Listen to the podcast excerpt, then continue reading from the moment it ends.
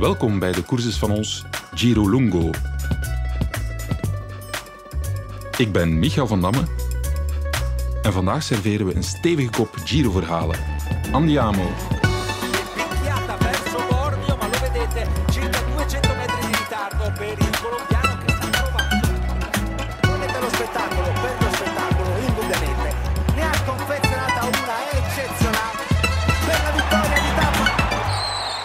Welkom bij de courses van ons, de wielerpodcast van het Nieuwsblad in samenwerking met Skoda. Terwijl het peloton straffe koffie geserveerd krijgt in de Appenijnen, slurpen wij het komende uur van een heerlijke lungo met Jurgen van den Broek, zesde in de Giro van 2008 en twaalfde in 2015. Dag Jurgen. Goedemiddag. Ja, middag intussen, inderdaad. En als we toppers van stal halen, dan is uh, wielreporter Bram van de Kapelle nooit veraf. Dag Bram. Dag Michael, het is uh, vandaag precies complimentjesdag. Nee, maar jij, jij slaagt er altijd in. Je bent een beetje de arrangeur. Je slaagt er altijd in om heel mooie namen in onze podcast te krijgen. Uh, ja, het is uh, vooral Jurgen die de lof verdient. Ja. Ik ben altijd benieuwd, want als Bram iemand meebrengt in onze podcast, dan hangt daar altijd een verhaal aan vast van hoe dat jullie elkaar kennen. Is er, is er een verhaal dit keer weer? Ja, er is wel een, een Giro-link.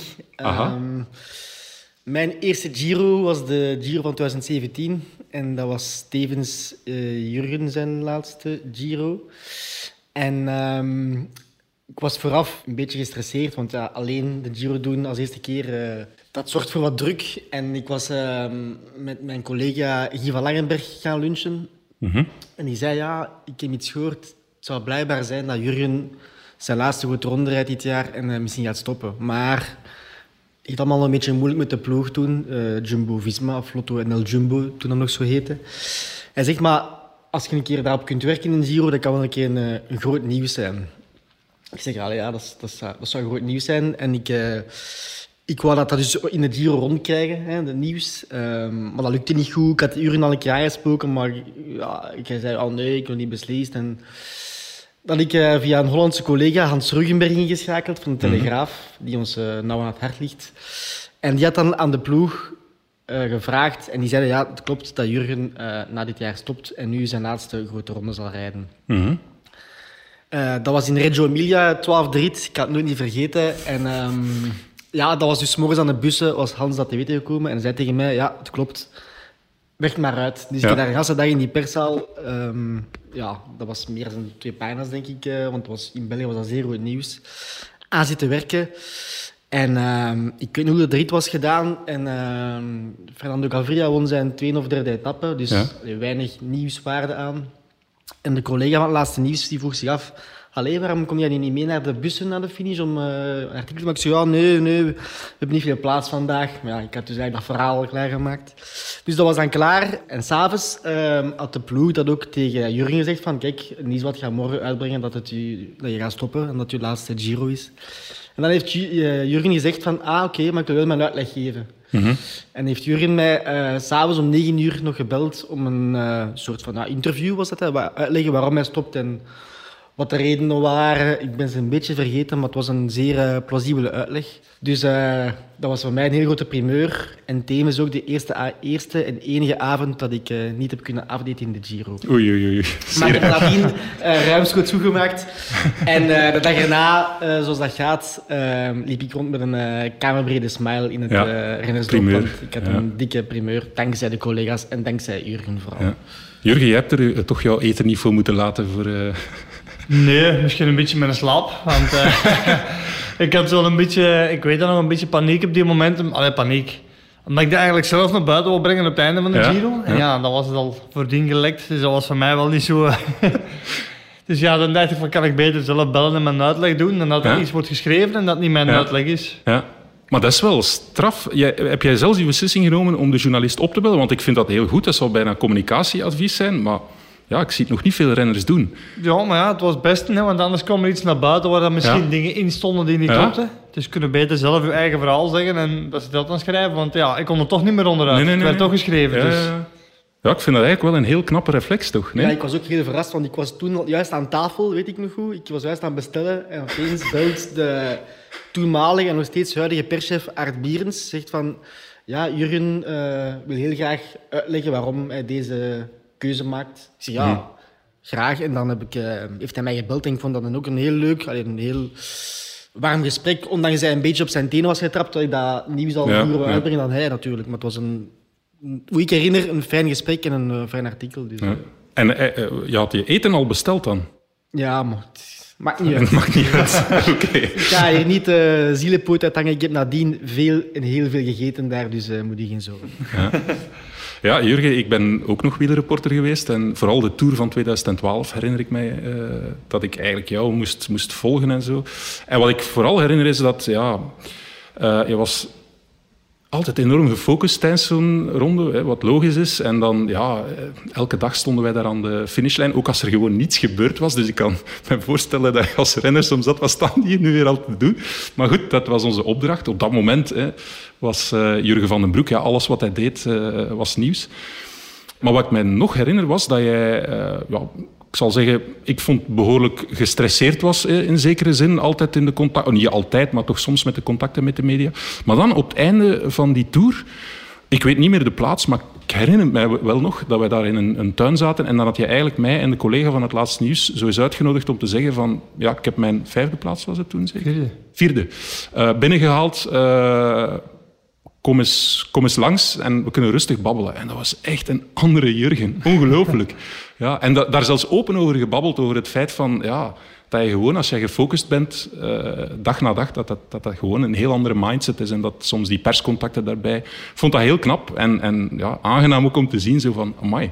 Ja, maar ik denk ook destijds dat ze, eh, de ploegen er niet zo mee bezig waren van de contacten met de pers. En ik denk dat ze daar eh, destijds met mij grote fouten gemaakt hebben. En om niet met Ja. mij samen te zitten en te zeggen van kijk, de pers, we hebben die nodig, jij hebt ze nodig, zij hebben u nodig. Ja, Het hoort erbij. ja, En eh, ik denk mijn eerste in, in 2010 dat ze mij zo een beetje voor de leeuwen gegooid hebben. En zoiets van, ja, trek ik plan maar met de pers. En ja, en bij wijze van spreken, ik wist niet hoe dan de journalist eruit zag, want ik had nog nooit niet gezien. Mhm, En plots moest ik in mijn eentje heel de wereld te woord staan. ja, eh, met vragen en antwoorden waar ik zelf geen antwoord op wist. Ja. Ja, wat gaat dat worden in die tour? Ik wist dat zelf ook. niet. nee, nee, nee. En ik kreeg van dag één elke dag die vragen. En ja, Ja. je bent bezig met die koers, je staat er zo gefocust op van ik moet hier presteren en ik wil hier ook presteren. Ja, Dat al de rest een beetje bijzak was, maar eigenlijk hadden ze daar iemand moeten bijzetten en zeggen van kijk, we gaan dat zo en zo regelen en dan wordt het allemaal, dan zijn ze zelf ook een beetje relaxer. ja, Maar nu moesten we bij wijze van spreken voor alles zelf zorgen. ja. En je kon niet ineens zeggen van ja, genoeg vragen, ik ben weg. Ja, ja, nee, nee. Dan zit er iemand bij en die zegt van kijk, genoeg vragen, dat was het. Ja. En dan, dan denk ik wel dat je een heel andere renner voor je krijgt. Ja, ja, ja, ja. Eh, Ja, wat denk jij dan, die hele Remco-mania, eh, moet ik het maar zeggen? Allee, rond, rond Remco is de gekte nog groter. Natuurlijk, nu is die begeleiding er eh, veel meer. Het is ook allemaal veranderd, het is meer afgeschermd. Maar denk je soms niet van, oeh, amai, dat, wat moet dat niet zijn? Eh, ik denk het wel, maar ik denk dat hij dat zelf ook wel graag heeft en een beetje verzorgt. Dus eh, Ja, op zich denk ik niet dat hij daar veel problemen mee heeft. nee. Dus Nu nog niet, maar allee, eigenlijk staat hij nog in het begin van zijn carrière. Maar wat als hij straks een grote ronde wint en dergelijke meer? Ja. ja, wint of als het niet lukt, een keer, Ja. kan ook. Vooral dat laatste, denk ik. Als, Ja. Stel nu dat het... Allee, we mogen niet vooruitdenken, of, maar stel dat hij binnenkort eens een minder dag heeft in de Ja. Giro, wat, Ja. Wat iedereen kan overkomen, of dat hij ook echt geen zin heeft na een etappe van, eh, in de regen van vijf uur en eh, een vlakke rit waar er niks is gebeurd, Hm. en zegt van, eh, jongens, vandaag wil ik niet praten, dan is, is de pers dan teleurgesteld in hem. Of dan, Ja. Snap je dat? Dus ja, ik denk dat dat wel een beetje vergelijkbaar is wat Jurgen meegemaakt heeft destijds. Dat heel het vaderland, laten we zeggen, Dat was wil- zo, hè? bij Jurgen was dat op het podium staan. Wil nu dat Remco hetzelfde doet of hoopt dat hij hetzelfde doet. Dus ik denk dat, dat, wel, dat hij kan zeggen van hoe dat aanvoelt, denk ik wel. Dat eh, die elke dag die vraag is voor de eh, koers, na de koers. eh, ja, ik kan het niet voorstellen. Ik kan Ja, bij mij was het het voordeel in Giro was vroeger niemand niet bij wijze van spreken. Hè. Ja. Eén of twee journalisten en dat was het. Hè. Ja, Eh, als je dan aan een tour ging, ja, iedereen was daar, dat was het grote verschil natuurlijk. ja, ja. ja, En in een Giro zijn er dan veel relaxer, want zijn er maar twee of drie die je te woord moet staan, dus dat is redelijk snel opgelost allemaal. Ja, ja, ja. Wat is het vervelendste moment, help even de journalisten, eh, waarop wij jou kunnen aanspreken? Is dat inderdaad na een zware bergetappe of niet noodzakelijk? Is het gewoon de opeenvolging? Wa- Wanneer heb je echt zoiets Als van... wel bergetappes ook zo niet zeggen, want meestal als het dan goed gaat, dan zijn we ook blij dat het Ja. voorbij is. Maar natuurlijk, als het bergetappes na elkaar zijn, dat wil je ook gewoon als renner zo snel mogelijk weg, gaan rusten, masseren, eten En dat is een beetje het ding dat je denkt van, ja mannetjes, laat me doen, want ik wil... ja. dat, dat is het enige wat in mijn kop zit op die moment. Hè. Ja, oké. Want Remco zei al op dag twee, denk ik, of dag één van... Fuck, ik heb hier een... ehm, hij zei zo, fuck, ik heb hier een, ehm, een, dop, een dopingtest te doen, een dopingplas te doen. Is dat ook zoiets dat je dan... Hij zegt, ja, eh, shit, weer al twee dagen op rij, ik verlies hier tijd. Of herken je dat ook? Of... Ah, ik vind, op die dingen moeten niet reageren, want dan heeft hij de Tour nog niet gedaan. Als je de Tour vooraan staat, de laatste, drie, de laatste week, heb je soms tot drie controles per dag. Dus ja, ik heb in 2000, en ik zie wat ik zeg, 10 of 12, ik weet het niet meer, de laatste week elke dag om 6 uur, na de rit en s'avonds ook nog controle. Voor de laatste, de, de eerste team van het klassement hebben we dat elke dag. Ja, ja, dat is zo, dat hoort erbij. En, en dat, als je er druk in maakt, ja, dan verlies je ook weer energie natuurlijk. Ja, En dat is niet leuk, want ik heb op een gegeven moment ook ruzie gemaakt met een controleur. ja. Oei. Omdat het was half zes morgens of zes uur, ik weet het niet meer. Ja, En die klopte en ik zeg, ja, ik kom er. Ja, nee, je moet het licht aan doen, dit en dat. Ik zeg, ja, sorry, maar mijn ploeggenoot slaapt. Ik zeg, eh, die moet ook rusten, hè. Ja, nee, het licht moet aan. Ik zeg, nee, ik, zeg, ik kom direct naar daar. Ik ga gewoon mijn broek aan doen en ik kom. Natuurlijk, op die moment dat je even dat je denkt van, ja, oké, dat ze mij lastig vallen, maar ik moet mijn kamergenoot toch niet gaan wakker maken omdat Ja. ik controle heb. ja. En ook-. Ook derde week is ook al moe. eh, Ja, dat wel, maar je weet gewoon, dat hoort erbij. Dus, pff, allee, ik, ik, ik heb er weinig druk in gemaakt op die manier, maar... Ja. Ik voel dat het tijd is voor onze volgende rubriek Haat en Liefde.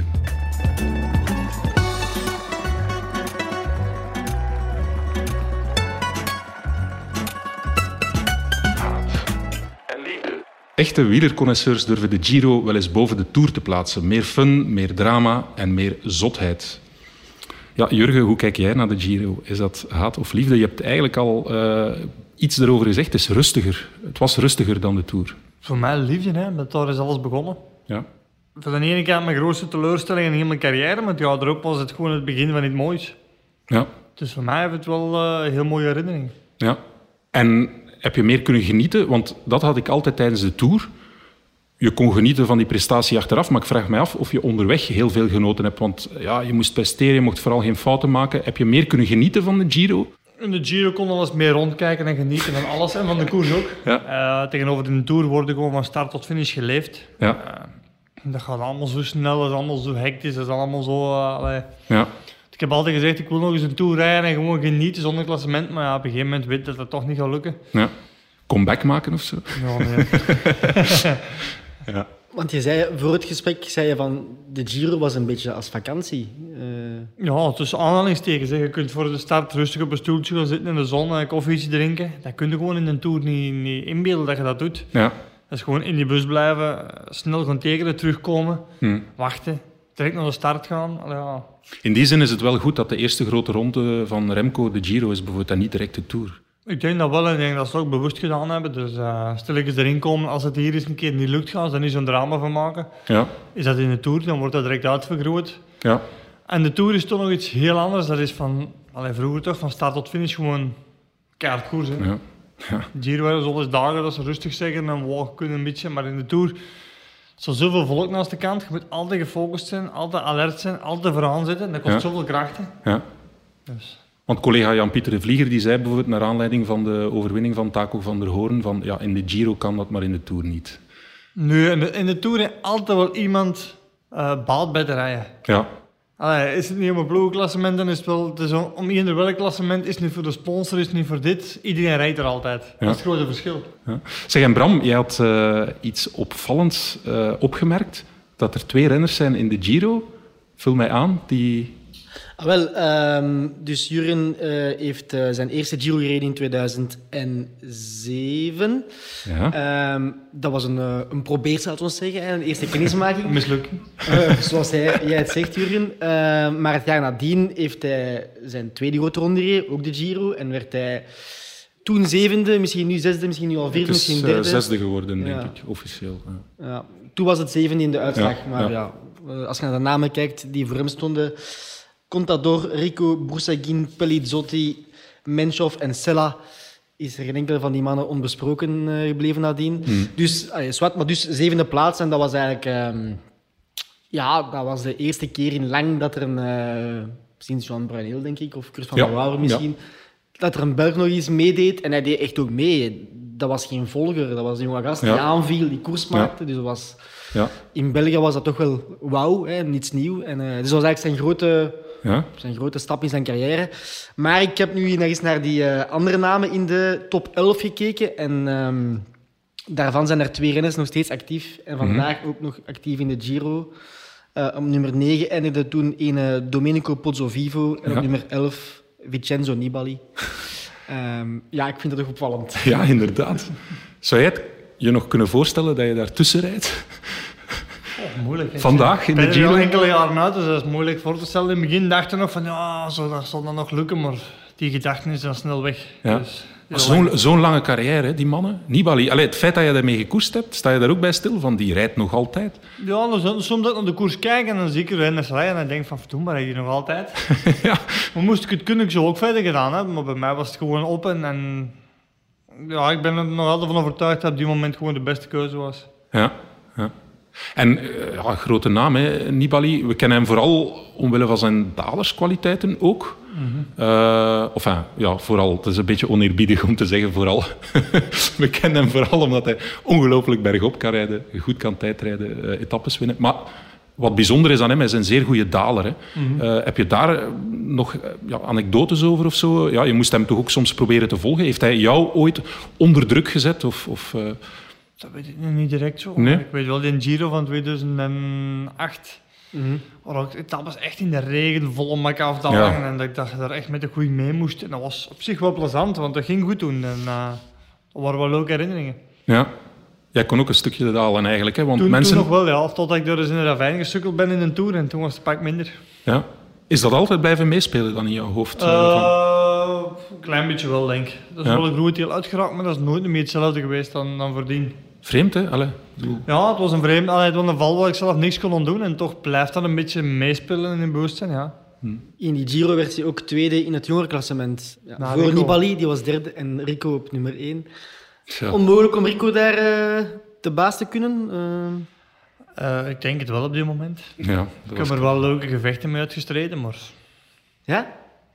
Ja, er waren bijvoorbeeld... eh, ja, Rico was niet de meest geliefde renner in het peloton. En eh, ik weet nog, op een gegeven moment moesten we dan...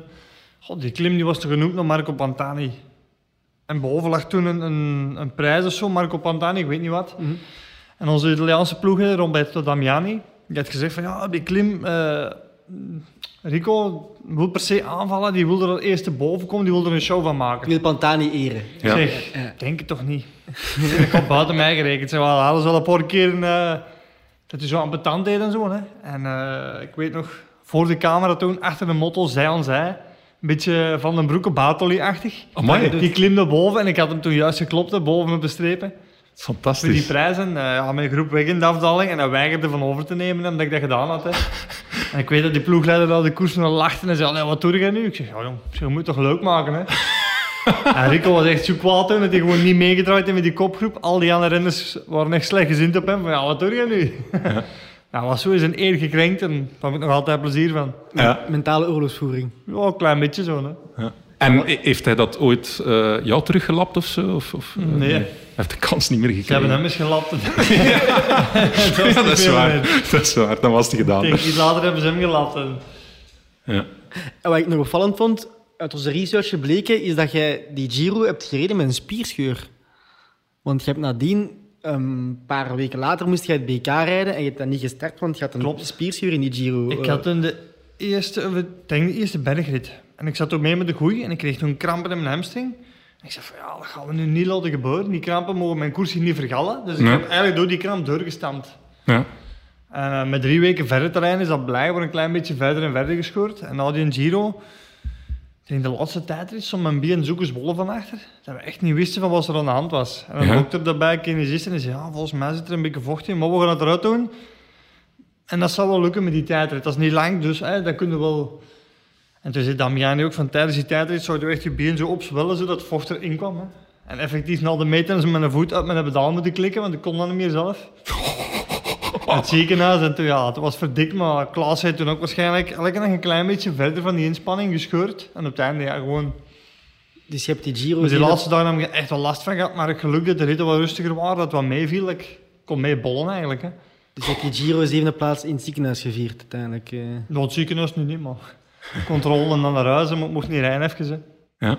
Maar straf toch? Allee, met Ja, ik jouw beste resultaat in de Giro heb je eigenlijk met een spierscheur Ja, ik neergezet. wist het niet van waar. Toen kwam dat boven, ja, die krampen. En ze hadden waarschijnlijk een klein parstje erin geduwd met die kramp. Ik zei, ja, nu ga ik nooit meer door een kramp duwen. Ze. Ja.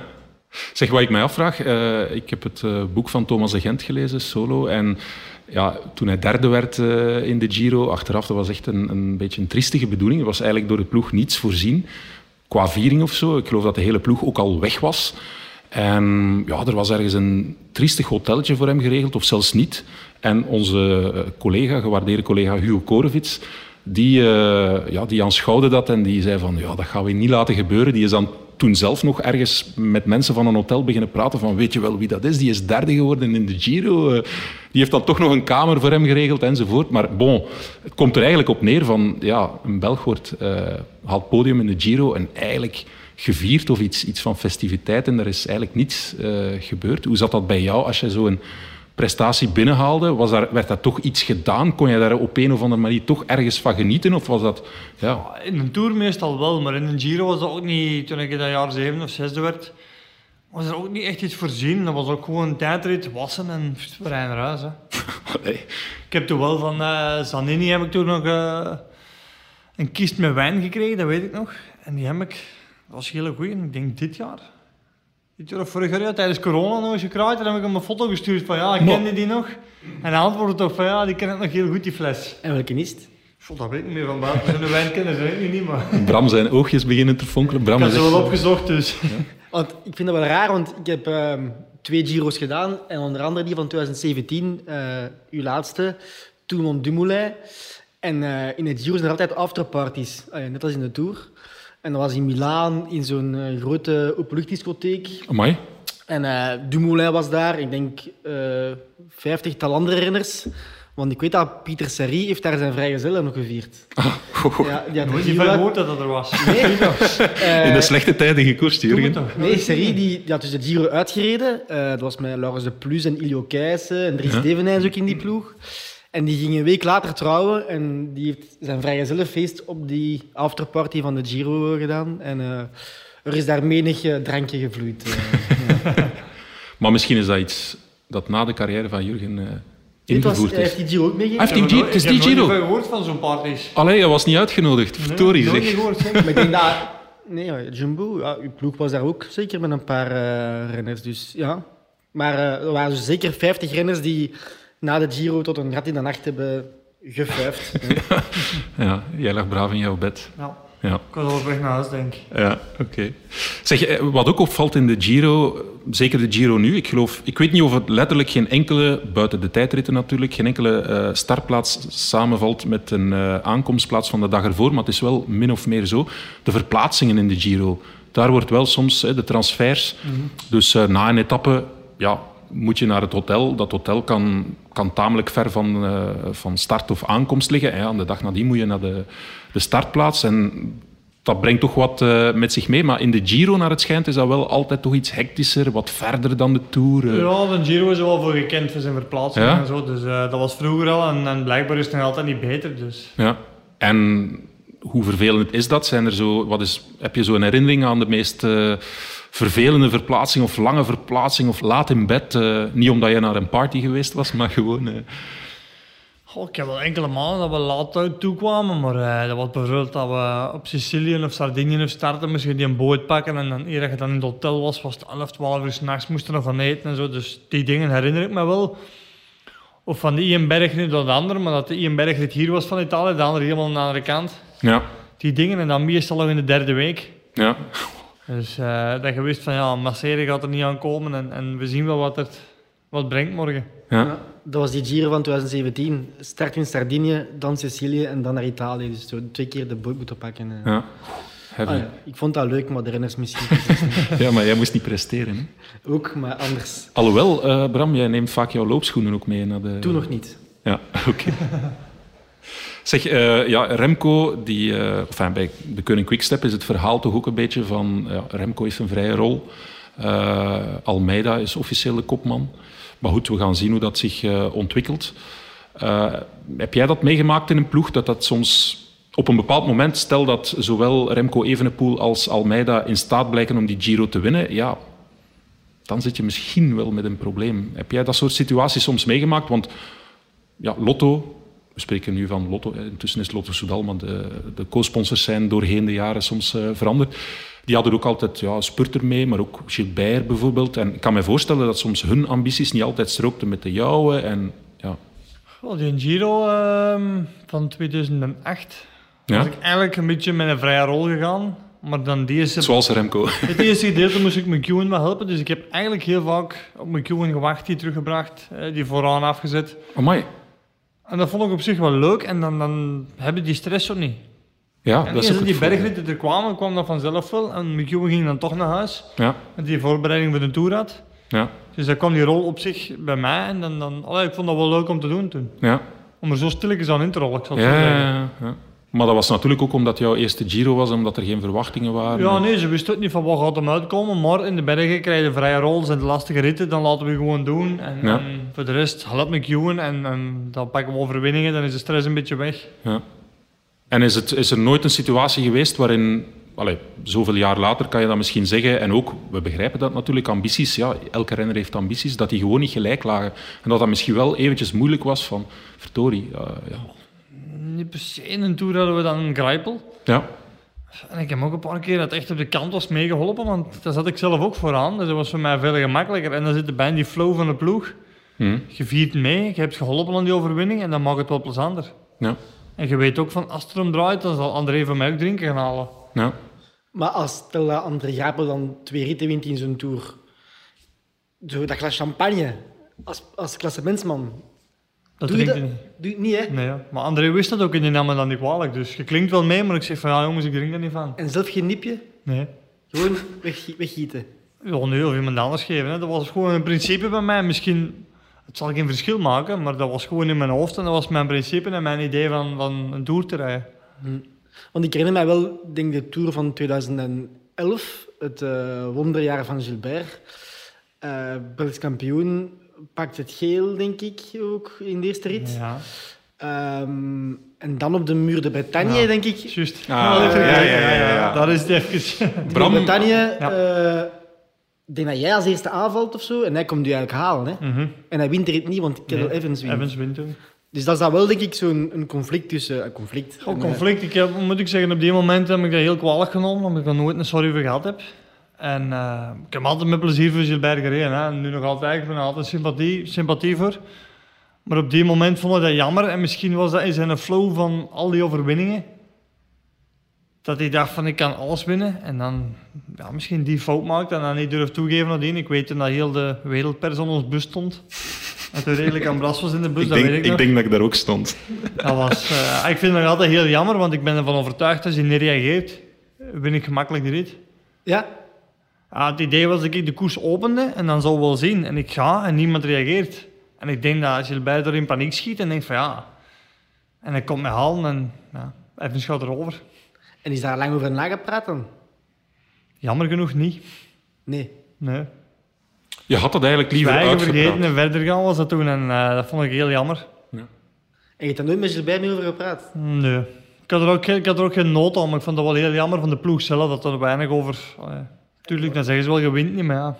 Ja, Als je dan ze kans krijgt en ze pakken het af, vind ik als ploeg moet er ook op reageren natuurlijk. Hm. Want je hebt jaren eh, ben jij kopman geweest eh, van een ronde ploeg. Maar ik herinner mij, die laatste Giro in 2017 ging je mee met eh, Jun- Lotto NL Jumbo voor Steven Kruiswijk te begeleiden. Is dat dan moeilijk voor u? Want iemand die jaren kopman is, moet nu plots zijn kast leegrijden voor iemand die op dat moment veel minder had bewezen dan jij. Nee, want ik wou die, ik wou die rol ook niet meer als kopman en ik wist dat dat niet meer lukte. En eh, ik had zelfs moeite om een rol als knecht te vervullen in die Giro en daar had ik het heel lastig mee. Daarom dat ik ook zei van, eh, dat ik er beter mee stopte. Dus op die, op die moment in mijn carrière wou ik niet liever dan gewoon dienende rol, ik doe mijn werk, ik zet me op kant en dat iemand anders het maar doet. En hoe kijk je naar dat gevalletje van Evenepoel en Almeida op de eh, tweede dag in de Giro? Dat Evenepoel die bonusseconde toch pakt. Ja, ik zie daar eigenlijk heel veel in. Voor, voor mij is dat eigenlijk een... Ja, een Onderlinge strijd. ja of gewoon dat, dat Remco eh, toont van Joao, eh, ik doe ook niet. Ja. Maar als, als Almeida bergop een keer wegknalt, dan gaan we niet over twee seconden spreken, maar over... Ja, van de ene kant het is het mooi, maar ja, ik weet niet hoe dat de tactiek is en zo, dat weet ik nu niet. Het is mooi, maar is dat nodig in een Giro die gekend is als een Giro dat altijd zwaar is, wat bergop niet een seconde, maar een minuut, soms een kwartier wordt gegooid? Is dat niet beter van op die moment die strijd even te laten en die krachten te sparen tot... Want ze zeggen wel, hij sprint mee en dit en dat, maar het zijn elke keer toch die krachten die... En dat is in een Tour ook dikwijls geweest, en Nibali, die, die bewoog niet. Totdat ze ver was en dan was hij daar gewoon. En die lachte gewoon, dus als er een minuutje verloren werd of zo, bij wijze van spreken, dan dacht je van... pff, Komt Ja. mijn dag, komt wel. En Ja. die gesteldheid heb ik op een duur ook geleerd van, ja, in die eerste rit, die seconden, hè, dat gaat niet veel... Je zou bergop gaan en ze smijten met minuten, dan gaat het erom. Dat is misschien nog een beetje de jeugdigheid van Remco, want bijvoorbeeld Johan de Munk, hè, de laatste Belgische Giro-winnaar, die heeft in een interview met onze krant ook gezegd van ik wil eigenlijk Remco niet zien, de Nou. eerste twee weken. Voilà. Dat is misschien die We ervaring hebben, we hem mist. op dag twee al gezien. Ja, maar dat is misschien die ervaring dat hij mist en het pan allee, paniek mag ik niet zeggen, maar zo die strijd onderling en laten zien van ik ben niet de beste, ik wil de beste zijn. Ja? Ik denk dat Almeida heeft al een grote ronde gereden, met een mis. Hij is vorig jaar vierde geworden. Ja, dus, Dus, ja. ja, dus hij heeft die ervaring wel en die Ja, weet wel van wat er in die derde week kan er nog heel veel gebeuren. Als je daar een minder een dag hebt, en allee, ik heb dat toen ik koerste ook gezegd van er zijn heel veel toppers en, en supergoeie coureurs, maar die in die derde week altijd een slechte dag hebben. Hè. Hm. Waar die grote ronde dan nooit niet lukt, hè, maar die Ja, andere koersen gewoon niet te volgen zijn. Hè. Maar anderzijds heeft ook Egan Bernal zich in die sprint gemist. En Egan heeft wel al ervaring in grote rondes. En hij werd dan ook... Maar is hij zo goed als... Hij deed dan wel dezelfde inspanning als Remco, maar pakte geen seconde. Dat vind ik dan nog veel slechter. Ja, dat wel. Maar is hij zo, is hij zo goed als in een, in een Tour destijds? Ja, we gaan het zien. Maar in elk geval, het is wel eh, interessant. En ik stel mij inderdaad de vraag, want het is zijn eerste grote ronde. En uitera- uiteraard moet je leren, hè, Jurgen. Maar je hoort dan toch van ervaren rondrenners, zoals jij, zoals Johan de Munk, hè, die zeggen van... Ja, let daar toch mee op met dat soort eh, inspanningen, want het is lang. Heb jij dan nooit niet vroeger in de eerste week ook zo een treintje voor je gehad om jou uit de wind Ik te had houden? één iemand bij mij en dan de rest was van André. En dan eh probeerde ik je gewoon me aan te sluiten bij die trein van André. En dat was eigenlijk redelijk relaxed. Want zo'n heel ploeg, heel een dag voor u, hè, dat is ook niet... Weet je, je wordt er gek van, want je weet van, ik moet die volgen, ik moet die volgen. Oeh, dat kost je zo'n krachten. Ja. Als je één renner bij u hebt, Ja. en je volgt gewoon, dan heb je gemaksje, en dan zit je elkaar kwijt, je kijkt eens rond. Maar als je een hele ploeg moet volgen de hele dag, dan zijn ze zo gestresseerd. Oftewel moet je de hele dag op kop gaan rijden, maar ja, dat gaan ze ook niet doen. Dus dikwijls is gewoon beter één en op het gemak zit er tussendoor. Eigenlijk heb je toch ongelooflijk veel eh, ervaring, Jurgen. Ehm, en ze zeggen dat dikwijls... Pas op, je hebt fantastische eh, prestaties geleverd, maar misschien intrinsiek heeft Remco nog meer talent. Maar ze zeggen soms van, ook in het voetbal, hè, van je hoeft niet Messi te zijn om de beste trainer te zijn, maar je hebt ongelooflijk veel ervaring in dat rondewerk. Ja, je zou eigenlijk zo jonge renners kunnen begeleiden bijna. Hè? Ja, dat is mijn doel geweest, maar dat is niet gelukt. Dus. Ja. Nee, maar als ik dit hoor, denk ik van, ja, dat zijn zinnige dingen die je zegt en zaken die jij meegemaakt hebt. Ja, het zijn fouten die je gemaakt hebt, dingen die je geleerd hebt. En dat zie je altijd pas nadien, denk ik. Van, Mhm. Ik had zo moeten doen of dat of dat. En ik heb ook heel veel fouten gemaakt en nerveus geweest en, en noem maar op. Allee, dat, dat, was, dat weet ik heel goed.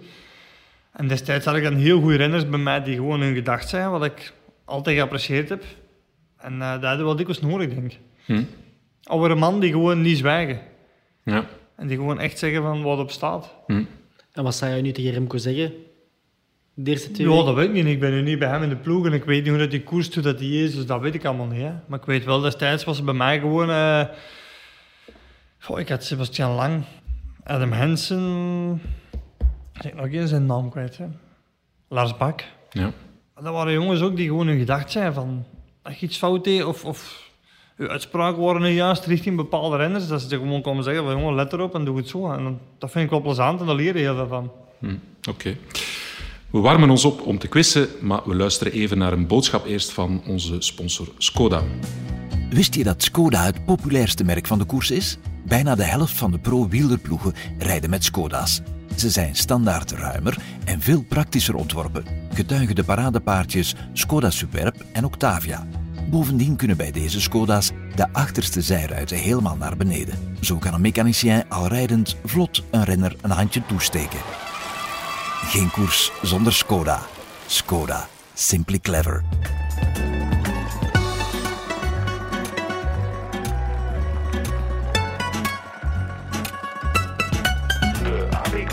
Goed, quiztijd. Ons quizconcept voor de Giro is eenvoudig, zoals wij het graag hebben. Ik vuur vragen af over de rijke geschiedenis van de Giro en telkens zijn er twee mogelijke antwoorden.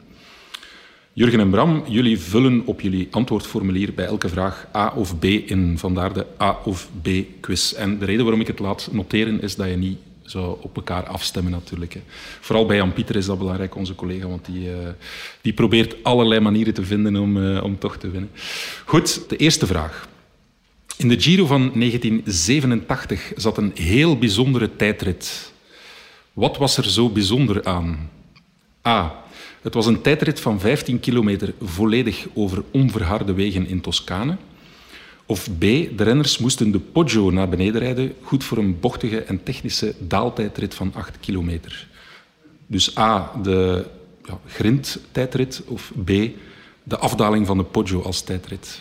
Schrijft de stilo, Jurgen? Nee. ja, maar goed, we vertrouwen jou. Uh, wat heb jij in gedachten, A of B? Ik gok op B. B, dus de Poggio, wat zeg jij? Ik heb ook B opgeschreven. Ja, dat klopt, inderdaad. Het was ah, lijkt me nu niet echt zo speciaal, dus. Vind je dat niet speciaal? Ja, nee, dat is een dag van vandaag normaal geworden. Hè, dus. Ja, het is dus een Poggio. Allicht uh, ja, de meest gekke tijdrit aller tijden. Hè. Ik vind dat wel wel geweldig, zoiets. Ja, ja. Stephen Roach won die uh, tijdrit. 46,5 uh, km per uur gemiddeld. Op een gewone fiets, geen tijdritfiets. Maar vooral belangrijk om te weten is dat het wegdek van de Poggio toen eigenlijk veel slechter was dan uh, nu. En Roach die zei achteraf, ondanks het feit dat hij dus die tijdrit uh, gewonnen had, van ja, er zijn al drie renners gestorven dit jaar. Blijkbaar was dat nog niet genoeg voor de organisatoren van de Giro. En zochten ze nog een uh, vierde dode. Ja, het was echt crazy. Je moet die beelden eens opzoeken. Dat is... Ja, maar daal is een kunst. Dus ja, ja. Zo'n Nibali of, of een, zoals Ties Benoot zei in onze podcast twee weken geleden, van hij zei, ik zie graag zo'n Moric of een Nibali afdalen. Ik vind dat een kunst, ik vind mm. dat mooi. Dan vind ik ook van, ja, dat moet kunnen. Ja. Ja, bij mij weten zijn er in die tijdrit geen accidenten gebeurd, maar goed, ja. Wat vind jij ervan, zo'n een afdaling van de Poggio? Want het is inderdaad ja, het is een technische afdaling. Het is een dus... kunst, maar je moet nu ook natuurlijk de risico's gaan zoeken als het niet, als het niet nodig is. Hè. Ja. Jij zou liever over het grind rijden dan... of gewoon, allee, gewoon het of zo, maar echt zeggen, in de afdaling is toch een beetje... ja. Ja, ja en die, die beelden kan je nog vinden. De tweede dat was een Pool, Piasecki. Die reed op een tijd, tijdritfiets met twee volle wielen, die afdaling. ja, fijn. Je kan het niet helemaal volgen, maar ik vond het echt wel uh, heel bijzonder. Ja, crazy eigenlijk. Ja. Goed, uh, dus uh, we hadden twee juiste antwoorden, dus het is 1-1. In de Giro van 2008, en dan zijn we aan de tweede vraag toe, kwamen we een opmerkelijke naam tegen op de 134ste plaats in het klassement. Dat was op 3 uur 57 en 52 seconden van eindwinnaar Contador en op 3 uur 51 52 seconden van Jurgen van den Broek. Wie was die man, die bijzondere man, op de 134ste plaats op bijna 4 uur? Was dat A. Bradley Wiggins, die later de Tour zou winnen, of was dat B. Wim van Zevenand, vader van Mauri? Dus van Zevenand of Wiggins. A is Wiggins, B van Zevenand. ja, Jurgen, zeer A. Wiggins. Wiggins, wat zeg jij? Ik heb ook A opgeschreven. Ja, ja, ja gaat gelijk op. Inderdaad, was Bradley Wiggins. Straf toch, hè? Dus in 2008, uh, eh, ja, 134ste in de Giro. Uh, ja, was er eigenlijk in dienst. Dat was toen uh, team Highroad, in dienst van Cavendish en ja, een beetje Greipel. Ja, en vier jaar later won hij de Tour. En ik geloof... Chris Froome is ook een keer voorgevallen, denk ik. Ja. Chris Froome heeft ook eens een Giro van Velta, denk ik, anoniem meegereden. Ja. Ja, eh, sinds wanneer herinner jij jou uh, Bradley Wiggins? Want ik kan me voorstellen, in die Tour van 2008 zal jij jou niet opgevallen zijn. Tour 2009. Ja. Toen... Dat hij bij, wat was dat toen, Carmen Ja. Ja. Slipste. Ja. En toen was hij uh, op het podium, dacht ik, of, of vierde. vierde. Ja. Enfin, achteraf dan... Uh... Het was met de Mont Ventoux ook dat hij heel goed was toen, denk ik. Ja. En natuurlijk, ja, Van Zevenhand, dat was altijd de rode lantaarn in de Tour, maar dus niet, uh, niet in de Giro. Vraag 3. Dus het is 2-2, spannend. Filippo Ganna reed de openingstijdrit van 8,6 kilometer in Turijn met een gemiddelde snelheid van 58,748 kilometer per uur. Maar dat was niet de snelste tijdrit ooit in de Giro. Wie reed die wel? Was het A. Rick Verbrugge in 2001 of B. Fabian Cancellara in 2016? Dus wie reed de snelste tijdrit ooit in de Giro? Verbrugge in 2001 of Cancellara in 2016? Bram? Verbrugge. Ja, amai. Hey, dat zijn hier echt kenners, hè? of zijn de vragen te makkelijk? Voor mij wel. Ja, oké. ja, ja.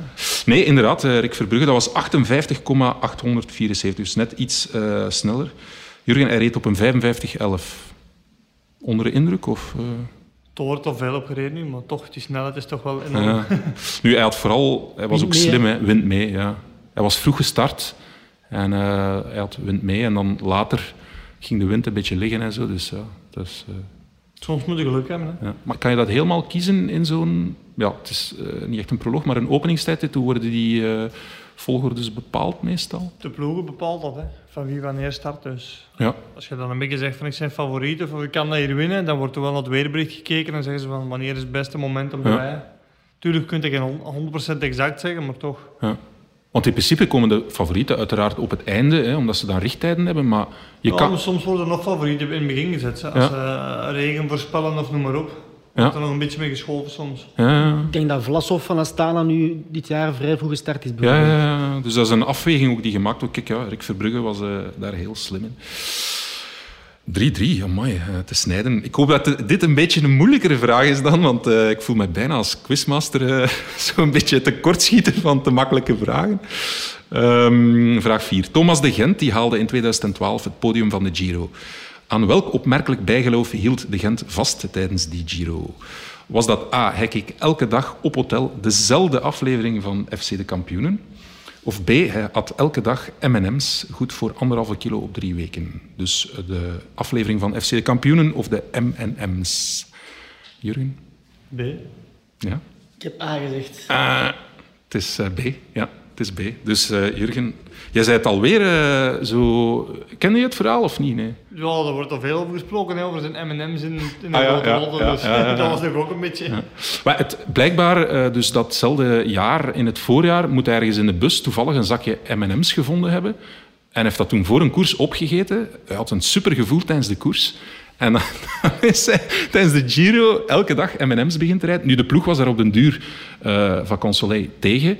En dan is hij ja, onder één hoedje beginnen spelen met de kok, die dan stiekem en een M&M's aan hem bezorgde, enzovoort. Ja. Iets voor jou? Zoiets, eh, zo bijgeloof? Of, eh, nee? Nee, niet direct. Had je bepaalde dingen die, eh, waar je wel in geloofde gewoon, van dat, dat werkt voor mij om te eten, ben- daar voel ik mij goed bij. Dat- Mm, is speciaal eigenlijk niet, hè. Ik weet dat jij wel, want ik ben eens op de Sierra Nevada geweest en eh, ja, dat was ook wel, stond toen al enorm mager. Ja, en dat ook was- zo op jouw eten letten, jongens. Dat was echt op eten letten voor een goed gewicht te halen, voor Ja. goed te presteren. Dus dat, was, dat is iets heel anders. Dat is niet bijgeloof, dat is gewoon hetgeen wat nodig was. En, ja. Ik moet zeggen dat ik toen blij was dat ik dan s'avonds beneden eh, in het stadje ging gaan eten en niet moest eten. Dat was, ja, ik weet niet, heel sober, hè, rijst, groente. Ja. Maar als ik hem nu voor mij zie zitten, eh, ja, hij is ook nog steeds zeer scherp. Hè. Ja. En, eh, het is ongelooflijk. Straf, hè? En hoeveel is erbij tegenover jouw competitiegewicht? kilo of drie, denk ik. Twee, drie. Dus eigenlijk allee, nauwelijks Te eh, verwaarlozen. te verwaarlozen. Hoe doe je dat? Geen idee eigenlijk. Gewoon eten en drinken. En... Dat is niet eerlijk, hè? Misschien dat er op een bepaalde leeftijd ook gaat bijkomen, dat weet ik niet. Komt Ja. van niet. Ja. En Bram heeft hier taartjes meegenomen. Ja, je hebt een taartje gegeten, dus het is niet dat je, dat je Nee, niks... nee, ik eh, kan me niks ontzeggen. Dat heb ik veel te lang moeten doen. Dus. Maar je sport wel nog, hè? Ja, ik loop nog, ik fiets nog, eh, een beetje autosport, dus ik doe van alles wel wat. Ja. Daarnet had je een heel straf verhaal, eh, wij vonden dat zeer interessant, over dat lopen. Ehm, dus uiteraard, als, als, als renner hè, deed je dat niet. Je bent beginnen lopen en het schijnt zou jouw botmassa daardoor eh, aangegroeid zijn. Leg dat eens uit. Ja, ze zeggen altijd dat je de pliometrie-oefeningen moet doen voor je botmassa te versterken en zo. En eh, na mijn carrière heb ik altijd gezegd van, "Oh, ik ga niet blijven fietsen, want dat heb ik al heel mijn leven gedaan. Ik ga eens iets anders proberen lopen. Ja. Ze hebben me altijd gezegd met mijn knieblessure, dat gaat nooit niet lukken. Hm? Die knie is echt te slecht en zo. En ja, mijn kop zegt dan van, ja, als ze zeggen dat dat niet gaat, dan moet ik dat toch proberen. Hè. Ja. Dus ik ben er eigenlijk beginnen lopen en dan eh, na mijn carrière zo'n DEXA-scan gedaan.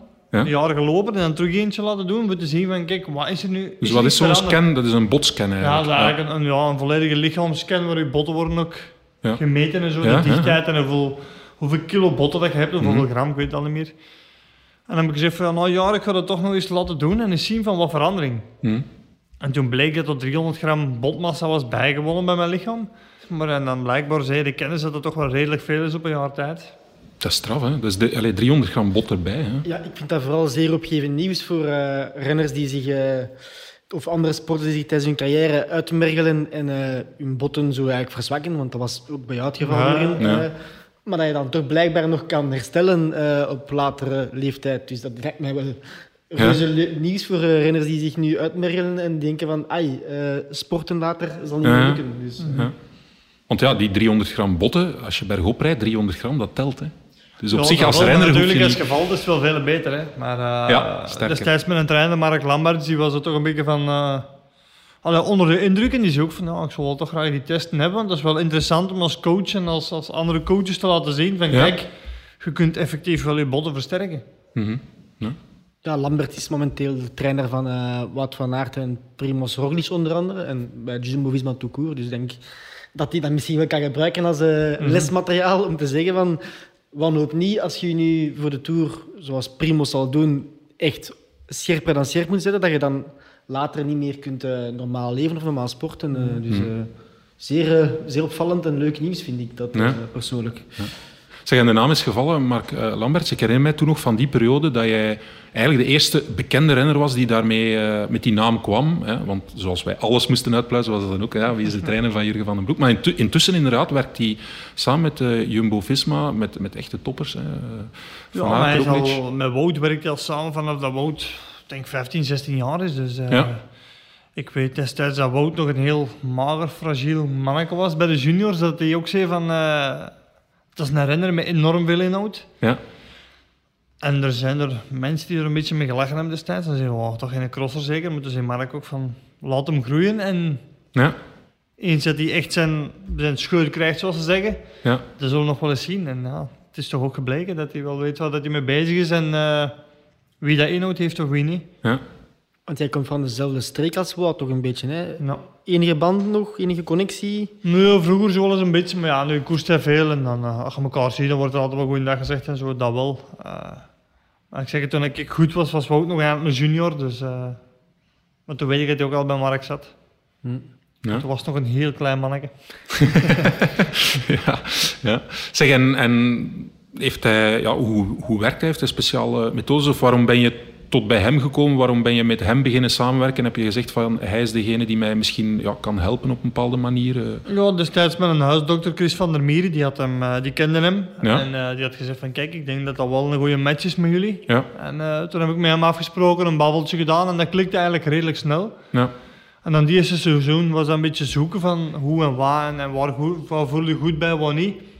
En dan na één jaar klikte dat echt goed en, en konden we nou blindelings mijn schema's maken. Ja, Maar Mark is gewoon iemand die echt luistert naar de renner en, en die niet puur verder gaat op het, ja, die cijfertjes en, en zegt zo en zo moet het, maar die Ja. belt met de renner en zegt van hoe voelt u, wat is er, eh, Ja. aanpassingen doet.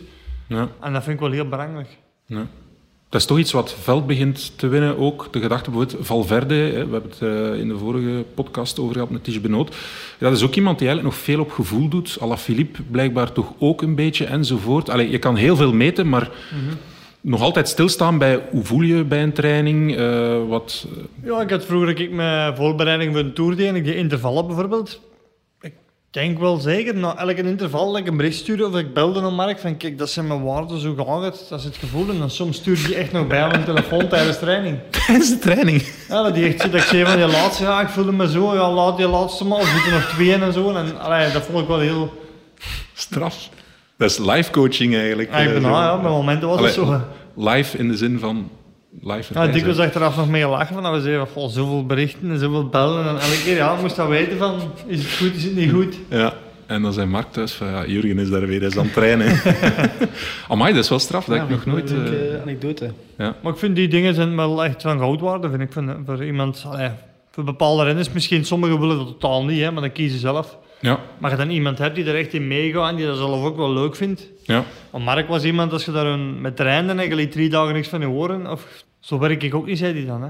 Ja, ja, ja, dus dat was een goede match gewoon. Ja. Ja. Ik vraag me af, ik denk dat jij jou vandaag misschien wel zou kunnen vinden hebben in die, ja, dat toch meer, eh, nog meer omkadering, nog meer professionalisme. Want ik herinner mij van toen ook dat je echt op zoek was van waar kan ik allemaal in verbeteren. Zelfs, je hebt dat net gezegd, zelfs contacten met de media. Ik geloof dat jij ook mental coach uh, samenwerkt. Die was ook, ook toen al, maar natuurlijk stond dat nog veel meer in de kinderschoenen, uh, op zoek naar waar kan ik ja, maar dat is hetzelfde met die hoogtestages. Destijds in België, hoogtestage, waar ik een beetje verweten van gaat op vakantie en zit altijd op zijn berg en dit en dat. Dat was geen vakantie. maar nu zit iedereen daar. Ja. En uh, Mark heeft dat dikwijls gezegd, je wordt eigenlijk de pionier een beetje van de hoogtestages in België. Hè? Want in het buitenland werd al veel gedaan, maar hier in België was dat zoiets van, wow, ja, ja. hij zit daar, maar nu iedereen zit daar. Hè? Ja, dat is waar. Dus ja. als je het nu niet doet, dan word je verweten dat je er niet genoeg voor doet. ja, zo is het. Zeg, uh, we zijn ook bezig met de quiz trouwens. Bram uh, moet proberen in te halen. Uh, Jurgen die kan het helemaal afmaken. vraag 5, de laatste vraag. Vittorio Adorni, die werd tweede in de Giro van 1968 en later dat jaar zou het WK winnen. Welke enorme opoffering leverde hij voor die wereldtitel? Was dat A. Hij had negen maanden lang geen seks. Of B. Hij ging twee maanden lang elke dag naar de mis voor die uh, wereldtitel. En hij is dan wereldkampioen geworden, dus het werkt. Is het A. De negen maanden onthouding of uh, twee maanden uh, naar de kerk gaan, elke dag? Ja. Jeroen? A. A. Ja, ik heb ook aangezegd. Ja, ja, uiteraard. Ja, ja, het was, dit was een makkelijke. Uh, maar Jurgen heeft de quiz gewonnen met straffe cijfers. Uh, 5-4. Ja. En het is de eerste keer dat Bram geklopt wordt. Ja, Bram is een straffe quizzer normaal. Hij heeft expres gedaan. Nee, nee, nee. nee, nee want, uh, ja. Ik ben absoluut niet tevreden, Jurgen. Nee, maar proficiat, Jurgen. Dank je. Ja. Maar uh, ja, dat is zo... In die tijd was dat echt een mythe, hè, van, uh, dat dat goed zou zijn. Bijna als een stier die, mm. die op, op, opgehouden wordt. Hè, dat je een extra kracht zou hebben. ja, belachelijk, hè, eigenlijk. ik was gisteren heb ik naar de podcast van uh, Laurens Sendam geluisterd. Ja, ja, met uh, Thomas Dekker als gast. Ja. En die vertelde in de Giro van oh, 2011 of zoiets. Of 2000, um, heeft hij uh, romance begonnen met um, de zus van Ivan Basso. Ik denk Elisa Basso, dat ze noemde, ik weet niet. Mm -hmm. Die was toen samen met een andere renner, Eddie Mazzoleni. En heeft die, in die Giro heeft hij die geschaakt, laten we zeggen. En hij vertelde dat hij op de rustdag um, een hele dag met die uh, jonge dame op de kamer gelegen heeft. Mm -hmm. En de dag nadien begon de etappe nogal furieus. Hij zei, uh, eerste twee uur, uh, 98 kilometer, dus ja, een, een zotte start. En dat de toenmalige ploegleider Frans Maassen zei van misschien de volgende rustdag toch iets rustiger aan. dus het kan ook nog anders. Ja. Maar Thomas zei ook van dat was wel mijn slechtste Giro aller tijden wegens ja. de weinige rust. Ja, ja. Ja wat, dat is zo'n bekende uitspraak in de koers. Hè. Poepers moeten eraf ja. na uh, zoveel kilometer. Maar uh, ik ja... Vond, ik vond dat een zotte anekdote, want dat dat anno deze tijd nog kan, uh, lijkt mij helemaal niet. Uh, allee, uh, Denk ik niet dat dat nu nog. Jurgen, ja, vrouwen in een grote ronde, is dat Don of not Don? op de rustdag misschien is, maar. Een bezoekje, maar voor de rest, ik was er niet meer. Allee, bij mij was alles koers en op die moment. En dan zeg ja. ik ook van als dat gedaan is, dan. Maar nu, deze is mijn werk, deze is. Allee. Ja. Maar dat was een bezoekje... Ik liet me ook niet afleiden, niks. Ik weet dat ik was misschien een raar op dat vlak. Maar... nee, ja, nee, nee. Een bezoekje, maar niet schaken. Nee, nee. ja, de okay. kogels bijhouden. De kogels bijhouden, ja. Ik denk vooral dat het voor de, de vriendin in kwestie leuker is voor de man. Ik denk dat de man zegt van ja, oké, okay, ik kom maar af, maar dat de vriendin zegt van ah, ik wil nog eens zien. En dat, Ja. dat, dat eigenlijk het andersom is. De man zelf, of de renner zelf, heeft daar op dat moment niet veel aan. Die moet Nee, vooral nee. rusten. Ja. En die zegt van ja, kom maar af om haar een toegeving te doen, denk ik. Hm. Ik denk vooral is dat de, de dame in kwestie graag haar man eens wil zien. Of, Ja. eh, dat, dat bellen beu is of zo, dat skypen beu is misschien. Dat is mijn Mhm. veronderstelling, maar ik heb er geen ervaring mee, uiteraard. Maar zelfs, zelfs als journalist in een grote ronde, eh, ja, als je een, een relatie hebt, je zit echt, zelfs als journalist in die bubbel van een grote ronde. Dat is eigenlijk vier weken, hè, want je hebt de voorbeschouwingen. En eh, zeker in Frankrijk, voor ons, ja, wij, wij hebben geen, geen ploegkok die kookt voor ons enzovoort. In Frankrijk, Bram, jij weet dat. eh, Daar er is, is geen tijd voor, hè? Nee, en de restaurants gaan, gaan vroeg dicht. Dus eigenlijk na je werk is er ook gewoon al stress om aan eten te geraken. Je moet in je hotel geraken enzovoort. En soms ja, is het half twaalf en denk je van oei, ik heb nog niet naar huis gebeld of nog Ik niet heb op een... Ja, maar dat is, dat is ja, je zit echt in die bubbel. Dus ik kan me voorstellen als renner dat dat echt helemaal... Dan moet je het dan nog echt presteren. Als wij s ochtends aan de start met kleine oogjes rondlopen, ja, tot daar aan toe. Ja, maar ook als, als renner, je komt toe eten, masseren, kine, noem maar op. Ja. Dus je bent heel de tijd bezig. En ja, tegen dat je effectief op je bed kunt liggen, is het zoals je zegt soms 11 uur. Ja, en dan denk je toch van, oh... Ja, dan moet je nog gaan bellen. Meestal, als je dan pech hebt, slapen ze thuis ook al. Hè. ja, ja. Dus, ja. Ik denk dat die mijn tweede tour was of zo. Dat was er in, eh, tijdens de tour een aanslag in Nice daar gebeurd met Ja. de bus. Dat was tijdens de tour, Hm. maar ik heb daar eigenlijk weinig van meegekregen. Eigenlijk. eh. Ja.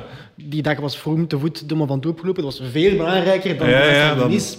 Ik heb pas achteraf daar de impact van eh, gezien eigenlijk. Van, oeh, er is daar toch heel veel dingen gebeurd. Ik was enkel idee, was sportpagina's refresher, om te zien dat ik alles Ja. in de gaten had. Dus eh, dat is nee, een andere wereld. Maar Ja, wordt echt. Ja, Had jij dat soms ook dat je na de tour van, ah ja, wat is er hier allemaal gebeurd eh, in ja, dan België? kwam er dan kwam maandag thuis en dat was precies dat je terug in de bewoonde wereld kwam en dan plots nieuws op je afkwam en je wist van, oh, oh, serieus? ja. ja, dat is echt eh, grappig. Oké. Goed, ehm, ik vrees dat we aan het eind van deze podcast, van deze Gi- Giro Lungo gekomen zijn. En ik zeg ik vrees, want ik vond het echt superleuk. Eh, ja, heel, je, je bent heel, eh, heel ontspannen en goed met de pers zo in deze omstandigheden. Eh, heel Dank blij om jou zo ook eens mee te maken. Nee, nee. Ehm, echt super bedankt om tot hier te komen, Jurgen. Ja. Graag gedaan. En misschien moeten we het nog eens doen. Hè. Tour, Welta, weet ik veel wat. Ja. Bram, super bedankt ik alweer. vond het heel leuk en ik heb een leuk verhaal over Rico de Rico eh, erbij. eh, Ja, inderdaad. Super anekdote over eh, Rico. Ja, over de eh. Ja. Grote dank ook aan Skoda, het automerk van de koers. Dank aan het Nieuwsblad, de krant van de koers. En dank vooral aan jullie luisteraars. Op dinsdagochtend zijn we er terug met een verse Giro Espresso. Dat is de korte versie van deze podcast met Actua. Hopelijk opnieuw met jullie.